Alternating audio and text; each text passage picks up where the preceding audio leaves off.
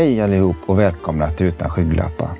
Först vill jag rikta ett stort tack till alla er lyssnare för all den positiva respons vi får.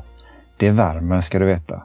Och lika mycket tack till alla som har röstat på oss som årets podd på guldpodden.se. Underbart! Ni inspirerar oss att fortsätta. Och har du inte röstat än är tävlingen öppen till den 27 november. Och du, glöm för allt i världen inte av att följa oss på Instagram och Facebook. Innan vi ger oss i kast med dagens avsnitt tänker jag mig presentera våra samarbetspartners. Vi är Österlens Hästtransportcenter. Är det så att du söker ny hästtransport, släpvagn eller en B-kortslastbil är det definitivt hit du ska vända dig. Vi har även HSH Hö i Uddevalla, höleverantör som redan idag levererar ett dammfritt hö till bland annat flera stortränare.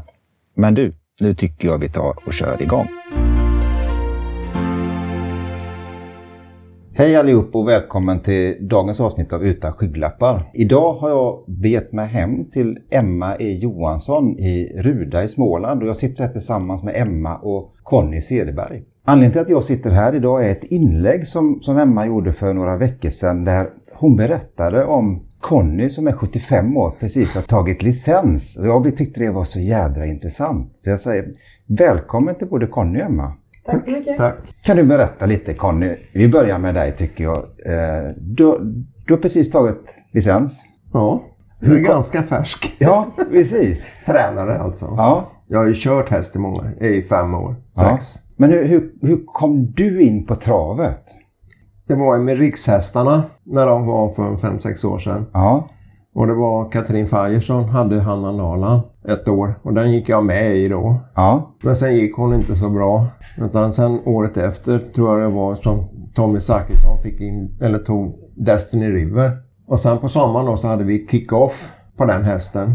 Hela ägargänget Ja, då. ja, Och eh, då skulle vi tittade ju på hästen och vi snackade med honom och sen skulle de ju lotta ut då att någon fick eh, dela ut pris i vinnarcirkeln till, det var ju tävlingar samma dag. ja. Och så var det ju någon som vann ett pris för att sitta och köra dubbelsulky. ja. Och det åkte jag ju på. köra dubbelsulky. Och liksom då vart jag ju fast. Det var bara så. Men kände du även när du vann priset, liksom, var, var, det liksom, var det den här glädjen eller var det lite rädsla över det hela? Nej, eller? ingen rädsla alls. Det var liksom bara, Jag var nästan bara "Åh, Yes, äntligen! ja, precis. Och du fastnade direkt då? Jag fastnade direkt. Så I stort sett nästan med en gång så var jag uppe och pratade med travskolan. Så jag började. Och sen har det flutit på i, det var i första året, travskolan, gick jag väl två kurser. Och sen träffade jag Anders och Tommy Zachrisson. Så Ja. frågade, snackade jag med Anders om, om det fanns någon möjlighet för att komma ut dit och köra. Ja. Hjälpa dem att köra. Och det gick ju bra. Så att jag gick väl i travskolan samtidigt ett par år till samtidigt som jag körde ut hos Anders de två, två år. Men sen bor jag ju uppe i Målilla så det vart ju väldigt långa Ja. resor att åka till Trekanten. Och sen var det travskola på onsdagskvällarna och sen var det trav på fredagarna. Så det var väldigt många resor till Kalmar. Ja. Men sen eh, vart, jag vet inte varför det egentligen tog slut hos Anders med körningen där och sen vart det bara travskolan kvar. Och till slut så ledsnade jag liksom på det där att bara gå på travskolan och så fick jag väl om jag fick något tips eller om jag bara kom på det själv att prata med Emma om hon om man kunde få köra där och hjälpa henne att köra lite. Ja. Så nu har vi kört ett år nästan. Ja. ja. Alltså, Och det, det flyter bra. Och hon verkar som att hon litar på mig. jag försöker göra som hon säger att jag ska göra med hennes hästar. Med min hästar kan jag ju göra som hon säger men jag kanske gör lite annorlunda när hon inte ser. ja, precis. Men jag gör ju inget överilat utan jag kanske kör lite fortare kanske än vad hon tycker att jag ska göra. Eller jag, ja, som när vi kör motions en och en halv milen. Mm. Då kanske jag kör lite fortare på vägen hem än vad du hade kanske godkänt eller gjort. Nej men hon verkar ju trivas med det så att för hästen älskar ju att springa. Mm. Det syns ju på henne liksom för jag behöver inte göra någonting utan jag bara, ja, jag rör på en töm eller något bara då bara öronen framåt och sen sticker hon bara. vad häftigt. Liksom, så då får man ju bara lägga och hålla i för att hon vill ju springa så mycket fortare Ja. än vad jag vill att Ja. hon ska springa. Liksom med långvagn. Som, vi har väl varit nere i 22 tror jag med långvagn på intervallbanan här nere och den är ju sån här. Det blir en berg och dalbana. Ja, nej, men oftast så ligger vi ju på 45-50 Ja. på 500 meter. Men, men jag, jag tycker ju det här är så häftigt. Alltså, för jag kommer ju mycket från affärsvärlden. Och, och liksom, vi pratar om åldersdiskriminering när vi pratar jobb och den här biten. Och här kommer du då liksom 65 bast till... en- 75. Ja, Ja, nu är 70 bast var det då. ja 70 Eh, var, när- när du bör- 69-70 var när jag Ja. började.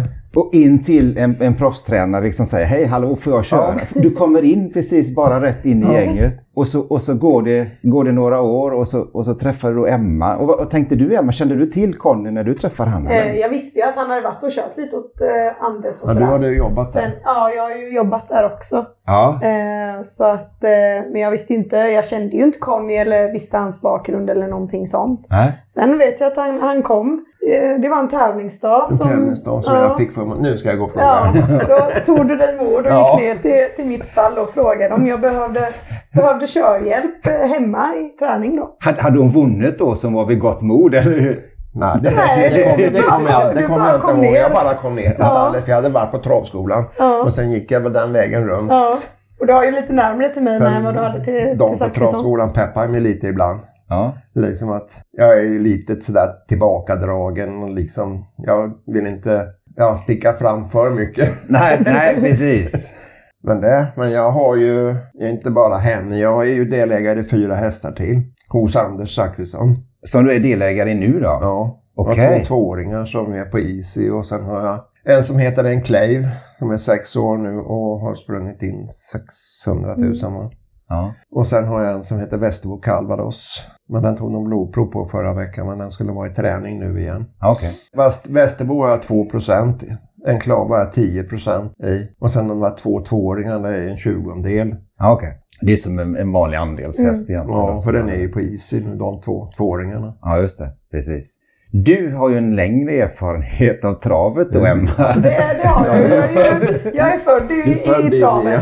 Så att, eh, jag har inte varit egen eh, så länge. Det är ju, blir ju tredje året snart nu då bara. Så att, eh, men samtidigt så, ja, jag var nog inte gammal när jag hängde med pappa på travet och hängde med han överallt. Så att jag har ju alltid varit, liksom haft travet. Så, Ja. det har jag ju. Men jag vet inte, det, det var roligt den dagen när Conny kom ner och då tänkte jag så här, jo men det är absolut, får han komma? Jag tror det började Ja. tisdagen Vi är, därpå. vi är nog varandras motsats. Du Ja. liksom, så vi går nog rätt så bra ihop Ja, och tycker jobbar det. bra ihop. Jag tycker det, absolut. Hon står Nej. för snacket och jag... Ja, Du kör lite fortare än vad hon Nej, bara med min egen häst. Inte hennes. Hennes, där, där håller jag gränserna. Ja.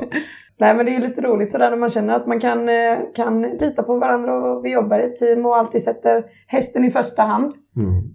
Men det var ju som Anders, jag fick ju aldrig köra. Ja, jag körde väl någon tvååring. Ja, hon sätter ju upp mig på de som ska fylla två nu. Ja, men det handlar ju om det och liksom eh, man, man får ju bättre självförtroende då också. När man utsätts för lite sådana grejer då blir det ju som sagt det har ju utvecklats jättemycket nu på sen du fick börja köra lite yngre hästar också. Mm. Ja, det är klart, du har, du har ju något års mer erfarenhet också av den här biten i Mm. det hela. Så att det, Sen har jag ju väldigt snälla hästar. Har jag inte det? Ja, inte Ritzer. berätta hur det Och rids. vad heter den andra? Red Pond. Red Pond, ja. Den jäveln bet mig. Men det är lite som mina hästar får vara. De har ju Ja, väldigt... Men jag, värst är att jag tycker Kaelin börjar bli likadan ja, det, det är riktigt bra. Hon börjar hitta det- tävlingsinstinkten. Okej. Att Hon har bara gjort fem starter Ja. på, ja, vad var det, 14 månader som hon Ja, bara hon är- efter operationen. Precis. För det, det var en av de hästarna här då, Kaelin Kane, som du fastnade lite extra för. Ja, den fastnade jag för så fort jag satte mig bakom henne. Att den här, vare sig det blir en tävlingshäst eller inte så ska jag bara ha henne om hon blir... Ja, och sen hade jag ju sånt flyt att Helena hon skulle sälja hästen. Okej. För Helena ville byta. Mm. Ja, det var ju när jag la fram att eh, när jag sa till Conny Ja. när han hade kört den en dag att då kom Conny in och han var så himla glad och Ja. tyckte att hästen var så fin. Och då kom han Ja, in men och sa till mig att Åh, Emma denna skulle jag vilja ha. Och då sa jag bara, men köp några. Och veckan efter, veckan efter så var det så. ja, då liksom tog jag kontakt med mina hästägare då som ägde Ja, henne. Och jag, bestämmer mig alltid fort. Ja, Ja. precis. Så bestämmer jag mig fort. Ja. Då hade jag ju precis kvalat henne Ja. i stort sett. Du hade kvalat henne då. Och då var det ju långt efter för då hade hon ju som sagt varit halsopererad och sådana grejer. Det tog, tog lång tid innan hon nästan förstod att hon får, får luften igen. Men sen det där med liksom att i början då när jag körde henne så när hon sprang och ryckte med huvudet bara gal skulle galoppera. Då snackade vi om det. Mm. Och att vi skulle byta bett på henne. Då hade hon ett ledat bett. Ja. Då bytte vi till en rak pinne, 10 millimeter. Ja. Mm. Och hon springer bara och tuggar på det där och hon galopperar. Det, alltså man säger som i fredags när hon galopperade, ja det fanns inte på kartan. Nej, slog ju ihop då. Ja. Loppet. liksom, så att, sen, sen har hon gått som en klocka med det bettet. Hon blir lite vass så du får sätta i något mer när hon ska Ja, tävla. en käkpinne med. Bara för att han inte ska ja, ligga på för hårt. Och det är ju nu när För- formen har kommit också Ja. som hon är... Ja, alltså hon är grym. Hon är liten. Det är en liten... vad heter han? Delicus eller vad heter han? Daniels häst. Hon var ju liten med. Det här är ju, jag ser ju ut som en jätte när jag står bredvid henne. Alltså. Hon är skitliten. Men hon kan vilja utav stål. Hon blir aldrig trött. Alltså. Ja, sist vart hon nog lite trött för hon skulle... Ja, galopperade ju så hon tappade ju 60 60-70 meter. Och gick i fatt liksom, och ändå kommer sjua. Ja. Och ändå lite trubbel på vägen med, Mm. Mm. med andra hästar Ja. som inte ville släppa förbi henne. Ja. Konstigt va? Jo, men så. Nej men så var det ju. Vi behöver inte nämna någon annan. Fan han lyssnar på det här. Han vet om... Du, du har liksom inte uppväxt någonting alls med hästar när du växte upp? Jo, Hade du det? pappa var ridlärare. Okej. Så att när jag var mellan 10 och 15 år så red jag Okej. mycket och Ja. hoppade och terrängridning. Och... Ja. Men sen eh, träffade man fruntimmer och... ja det blir ju så. Ja, ja. Då bodde jag i Stockholm. Ja. Jag sprang ju mycket på Solvalla när jag var 20. Ja. Så jag, man säger Gunnar Nordin och Holgersson och de här, de, Sören Nordin, alla de här, de vet jag ju vem de är. Ja. Och Roland Cossar och Revue. Ja. Ja, precis. Nej, men sen eh, flyttade jag från Stockholm ner till Småland och sen vart jag kom ifrån. Det blir familj och man Ja, ja, jobbade precis. och, Ja. Och sen eh, var vi mycket på jobbet. Åkte vi till Kalmar då, men det är ju 30-35 år sedan. Då fanns ju inte den nya läktaren och sådana där Mm. grejer, utan då satt man ju på. Liksom, så det är väl det närmaste jag har varit travet innan. Hade inte Emma varit som hon är då hade jag inte ägt häst idag heller. Utan det är ju hennes förtjänst att jag...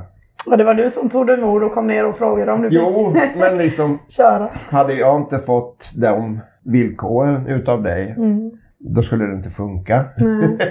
Vad ska jag betala tränaravgifter och sånt på en vanlig pension? Det går inte. Men nu är jag ju och kör tre dagar i veckan. Ja. Och liksom, och jag försöker hjälpa till i stallet med. Ja, ja det har blivit lite mer och mer. Smyger på lite jobb.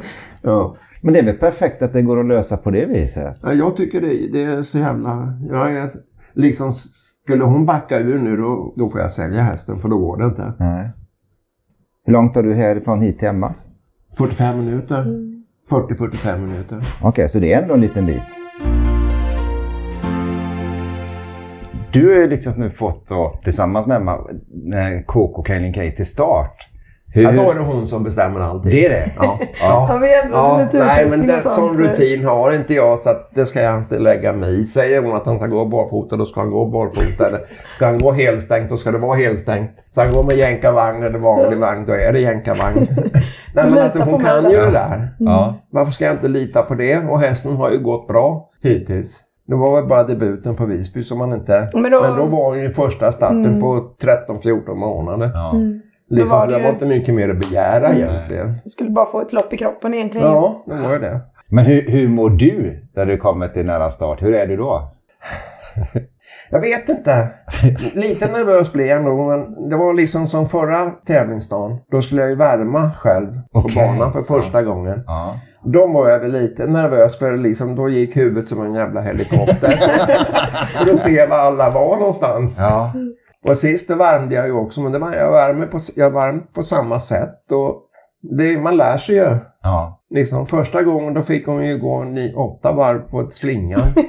För det var så jäkla mycket omstart i loppet innan jag skulle ut och värma på stora banan. Okej. Och sen när jag väl kom dit då var hon, ja, hon var väl halvhetsig redan då.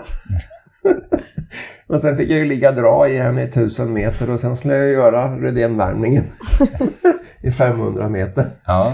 Och då, liksom, då, då är det nästan kört att få stopp på. Laddade upp henne lite där. Men sen gick hon ju bra i loppet. ja. Och liksom den känslan när jag såg Ja. De var tre där ja.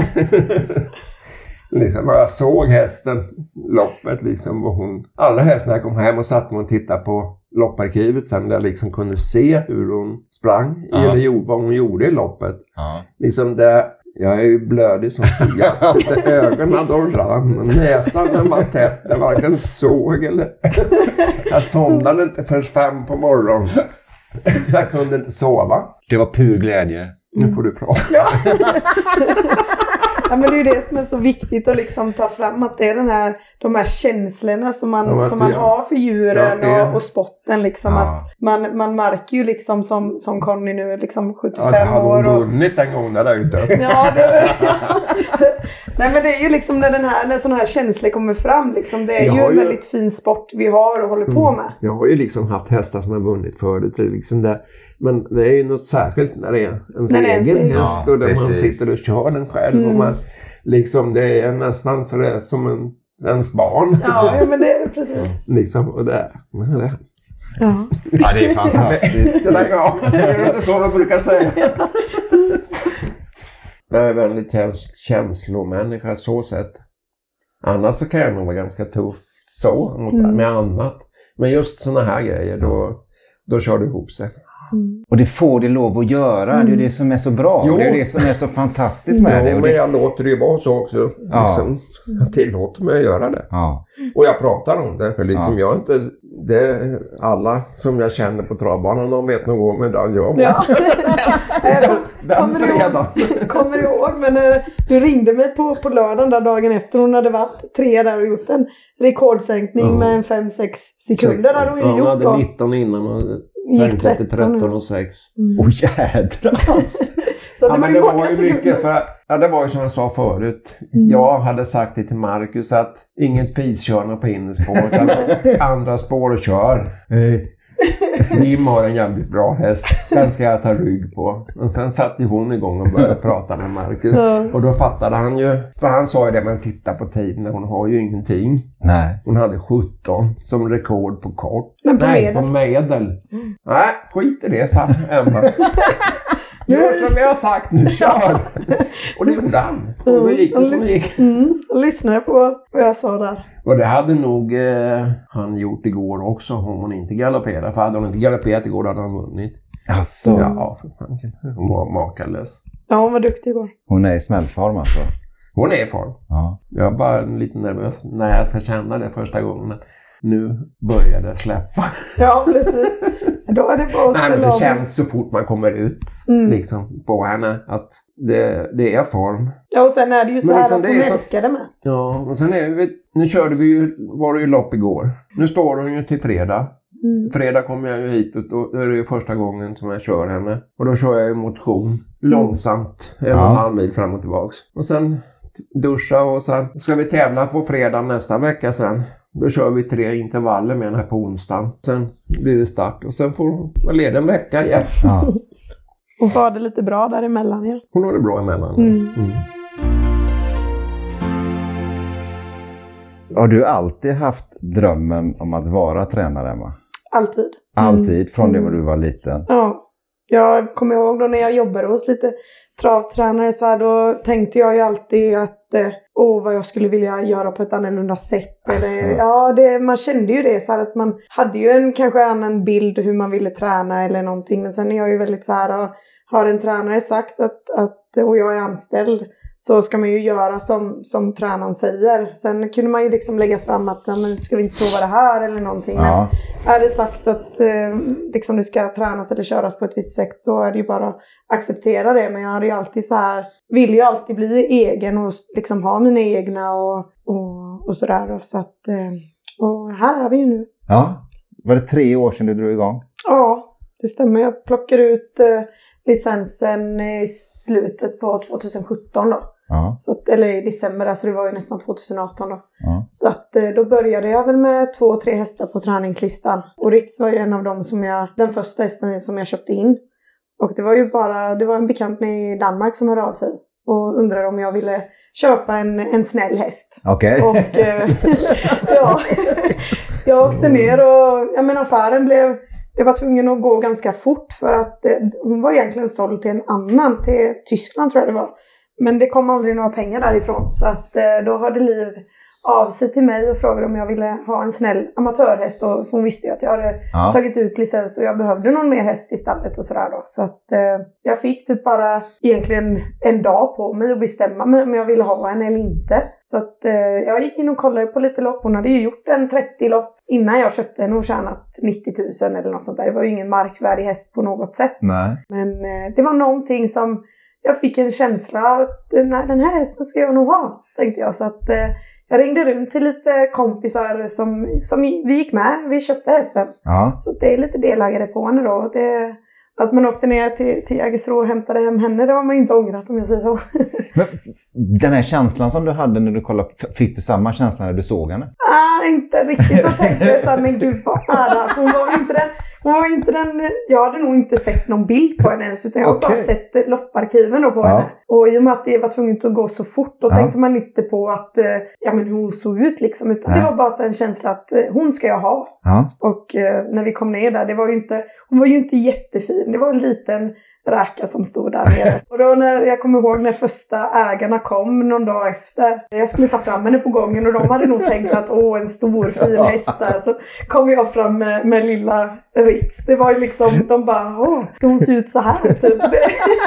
Det, och då tänkte jag, jag fick ju liksom ta lite, ja men nu ska vi bygga upp henne och, och liksom få på lite muskler och, och hull och så hon blir nog fin så här. Man fick ju bara nästan så här verkligen sälja in att det kommer bli bra liksom. Ge mig bara lite tid. Så började jag träna henne och hon- jag märkte ju att hon tog åt sig träningen väldigt, väldigt bra. Eh, sen åkte jag med henne till, till eh, Lena som är kiropraktor för att hon hade en kraftig låsning uppe i ryggen då, eller i korset. Ja. Som eh, det hade väl också, för hon travade ju inte, det flöt ju inte för henne. Så jag åkte med henne till Lena ett par gånger innan jag bara var nöjd med henne. Ja. Hur hon såg ut i kroppen och hur hon kändes och, och allting. Och debuterade ju ganska snabbt ändå. Ja. Eh, Och då var hon fyra då gick helt okej. Det var ju inget extra liksom sådär. Sen eh, var det ju då i tredje starten, då vann hon ju första gången för mig då. Och då var hon ju verkligen, då var det ju så här, men det här hände bara en gång, tänkte man ju då. Hon, hon sprang ju ren, alltså hon var ju så arg så hon, hon sprang ju bara liksom, för då har hon börjat bli lite, lite arg och så hemma då. Jag tänkte att hon får vara sån. Hon får liksom göra vad hon vill och hon, hon hade ju blivit lite kaxig då. Så du, du, du har nästan satt ett system med att få fram hennes lite Ja men här- lite sådär, jag gillar ju när de är som, alltså de får vara som, som, som de är liksom. Det, och hon började ju då hugga lite och sparka och jag Okej. berömde henne och sa att hon var duktig. Och, och du vet man, man nästan såg på henne för varje gång man sa att hon var duktig, att hon, hon växte liksom. Hon blev, Åh fan. ja det var, man märkte väldigt stor så. Och, och ju mer man liksom, ja duktig häst, duktig häst, och, och kaxade hon till sig. Och, och det gjorde hon ju även då i loppen. Ja. Nej, och nu är hon ju... Det är ju bara jag som i stort sett hanterar henne. Det är ju lite farligt hästar. Men, men som sagt, de, mina hästar de får, de får vara hästar liksom och göra vad de, lite vad de vill. Sen vet de att det är jag som bestämmer om jag sätter ner foten. ja. Men eh, nej, jag tycker det är viktigt att de får vara lite... Men det tog inte stopp med den där första segern med henne eller? Nej, det var ju då, då, då tänkte man så här att men det här måste ju bara varit en, eh, liksom, bara liksom att det hände en grej liksom. Ja. Så här.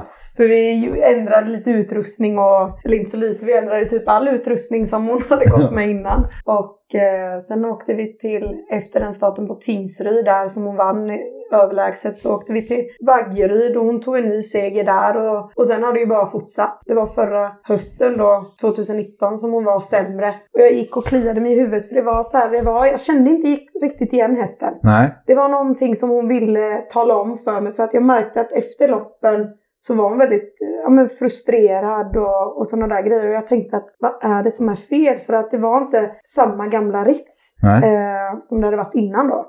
Och jag frågade folk och de sa bara, men Emma hon möter bättre hästar. Jag menar, då, hon stod ju med en hade hon ju tjänat en halv miljon så hon mötte ju alltid bättre hästar och Ja, sådär. Eh, Men jag sa att det är ändå någonting som inte stämmer. Eh, Och då hade eh, Marcus Niklasson då hört att hon hade låtit i halsen i sista loppet. Då tänkte jag så här, nej men då åker vi ner och gör en, en eh, halskontroll på henne med kamera i. Så jag åkte ner med henne till Halmstad Ja. och körde ett barnjobb med kamera i henne då. Så att, och det visade ju att hon fick ju ingen luft. Nej. Hon hade ju sprungit ganska många lopp och inte fått luft sista 300-400 meterna i loppen då. Men ändå liksom bara kämpar och springer ändå, men inte på samma nivå som tidigare då. Efter det så, jag var väldigt ledsen för det kändes som att jag hade liksom utsatt henne för en grej som hon inte skulle klara av. Nej, men precis. ändå så visar hon hon har sånt hjärta så hon, hon liksom sprang ju ändå. Och Ja. gjorde det ju bra. Hon sprang ju 12 tider. Ändå inte få luft sista 300-400 meterna då. Ja.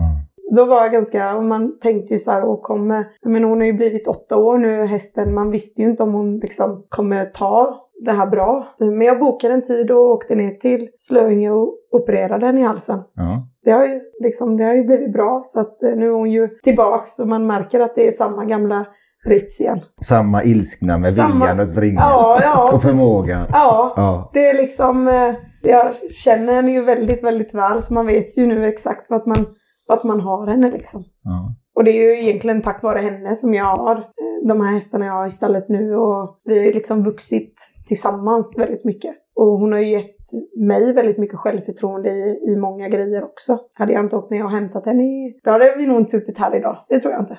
Nej. Allt man har varit med om. Hon har både vunnit V75 och V86. Du har fått börja träna på intervjuteknik. Ja, precis, precis. Jag kommer ihåg första intervjun, den var inte så bra för jag bara svärde.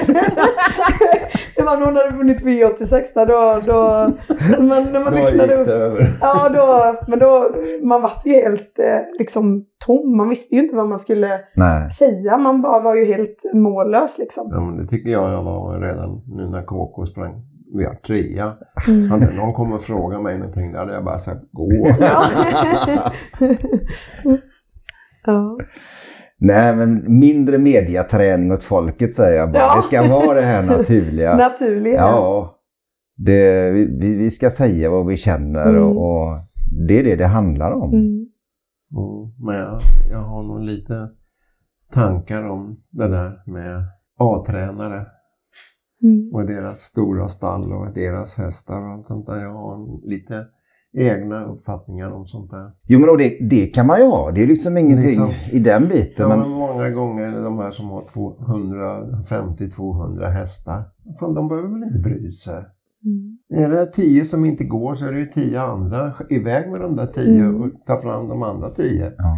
Liksom, och sen tittar man på travet någon gång. Ah, fan, går den på Boden nu? ja, men, så, men så, så är det ju. Det, Ja, men- det är ju lite också med hur en häst och Ja, men hur fan personligheten ska de är. här små B-tränarna och A-tränarna, de här B-tränarna och de här unga killarna som ska börja köra, eller killar och tjejer som ska börja köra, de får ju aldrig någon chans Mm. egentligen. De får ju aldrig köra något stort lopp eller det är ju väldigt få. Det är man säger som Ljusebröderna och de här. Jag vet inte hur de kommer fram men annars så är det ju bara Peter Untersteiner, Johan Untersteiner och Timo Nurmos. Och sen när man sitter och lyssnar på V75 på lördagarna då byter jag ju kanal för jag tål inte lyssna på dem. För de pratar bara om de där förbannade stortränarna. de här B-tränarna eller de mindre, de pratar de aldrig om. Nej. Men fan, hur mycket jobb lägger de inte ner?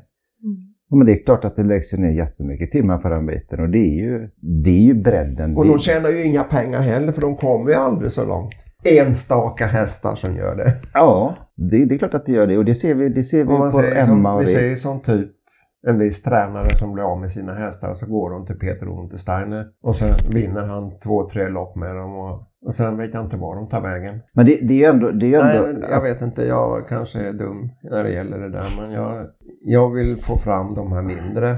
Att de ska få chansen att även vara med om de stora pengarna. Ja, men det, jag vill ju ändå tro att det finns den biten. Det är klart att, att, att har, du, har du många hästar så har du alltid någon som går. Ja, men, men titta, på, titta på Emma och, och, och Ritz. Alltså, Ja. Det har ju liksom varit med, i, Jo. med, med dem och det finns ju... Ja, men Så att, det är eh, inte så jävla många som det är förunnat. Nej.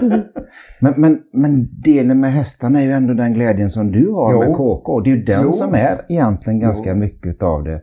Och den finns ju där i, i alltihopa. Ja, I stort sett skiter jag om hon vinner. Ja. Bara hon är frisk när vi kommer hem. Men så är det ju. Det är ju det som är hela biten. Alltså att kärlek... Att, Men men jag det här skulle ju kärlek- vilja starta det där 110 000 Jonas-loppet på fredag. Den är nästa? Ja. Ja. Kan, men det räcker inte poängen till. Men det är ändå känslan när du sitter och kör i ett snabbjobb och du känner det här. Fy Ja. fan, nu är det är det... makalöst. Ja. Den är, det är ju ändå, det är ju ändå en Jo, jättestor det- del och det är ju jo, den ja. unika delen. Det lever jag på hela veckan. Ja. Och det är den man tar med sig i det hela.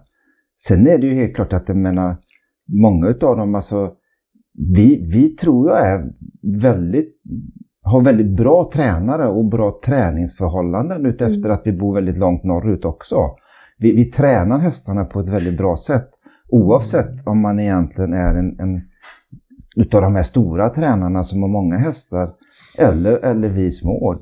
Den fördelen som vi små har är just det här att vi kan, kan lägga den lilla extra tiden på Mm. att ta hand om dem på, på lite mera sätt. Mm. Och det är lite därför som, som vi sitter här idag Mm. faktiskt. För att jag tycker att det här är så jädra kul. Nej, det är väl en liten dröm som har gått i uppfyllelse. Ja. Nej, man får ju inte glömma bort att vi gör det ju faktiskt eh, för, liksom det ska ju alltid vara, för mig är ju djuren ska ju alltid gå i första hand liksom. Jo, ja. Eh, ja. Jag skulle inte tveka ett ögonblick på Kaelin om hon skulle bli liksom så pass sjuk eller dålig så att liksom, visst jag skulle bli ledsen om jag skulle behöva avliva henne men liksom, men hon ska ju inte lida. Nej. Nej, det är som sagt det är Och sen var det som... som den här veterinären pratade om idag, det är ju mycket ekonomi i hästar. Liksom. Hur länge orkar man liksom hålla på och betala veterinärkostnader och när ska man sätta stopp? Det är ju likadant, jag reagerar likadant med katter och hundar med. Så Ja, men det, det är ju samma, det gäller väl Mm. egentligen allting. Ja. Man får ju tänka på. Det, jag, jag tror att det är lite, vi, vi människor är lite dumma för att vi vet ju om att de lever mm. mycket kortare liv. De har inte lika långa liv som oss, men vi, men vi, vi lever som om de ska göra det Ja. känslomässigt Mm. sett. det är därför jag inte har skaffat någon ny hund nu. Nej. Jag har haft, haft hund. Ja. Det är som att sen slutade jag jaga och då var hunden 11 år så då fick han gå till de sällare markerna. ja.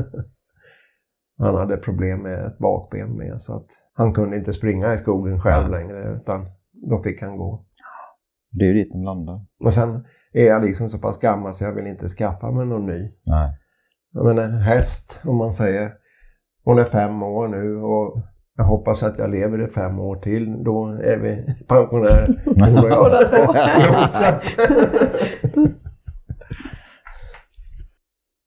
Om vi Mm. tittar lite, lite framåt. Emma, vad, vad har du för liksom ambitioner? Eller vad tänker du dig i det läget? Nej, men jag, jag kommer ju alltid eh, hålla på med, med travet.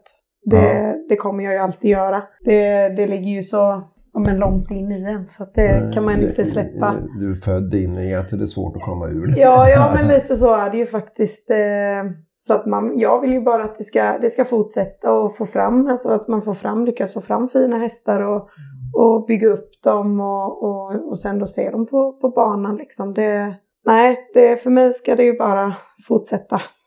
Men jag är ju så pass gammal liksom, så jag vet ju inte hur nästa år blir. Nej. Nej, och det är med tanke på det som sker i världen just nu så Mm. vet vi väl knappt någon av oss vad som Nej. håller på att ske. Utan det är, När det här med covid och det här, jag är ju livrädd liksom för att blanda mig med fel människor. ja. Mm. Jag försöker hålla mig till samma människor hela tiden. Ja. Det är kul, alltså, vi har suttit här en stund nu och det är så fantastiskt att se er, liksom, generationen över, liksom, det är många år emellan, men, men glädjen för hästen och för travet och för det, det ni gör tillsammans, det går liksom inte att missa. Det är fantastiskt att se. Eh, jag, är, jag är jätteglad för att jag har fått komma hit och fått ta, ta del av den här historien som ni har tillsammans. Eh, och eh, jag tackar för denna tiden och så, så önskar jag självklart båda två jättemycket lycka till. Tack så mycket. Tack. Vi tackar dig för att du har lyssnat på Utan skygglappar. Det här avsnittet presenterades av H.C. Hö och Patrik Olsson i Uddevalla. Vi hoppas självklart att du gillar det du har hört och att du följer oss i din spelare samt delar det vidare till dina vänner. Tack så mycket!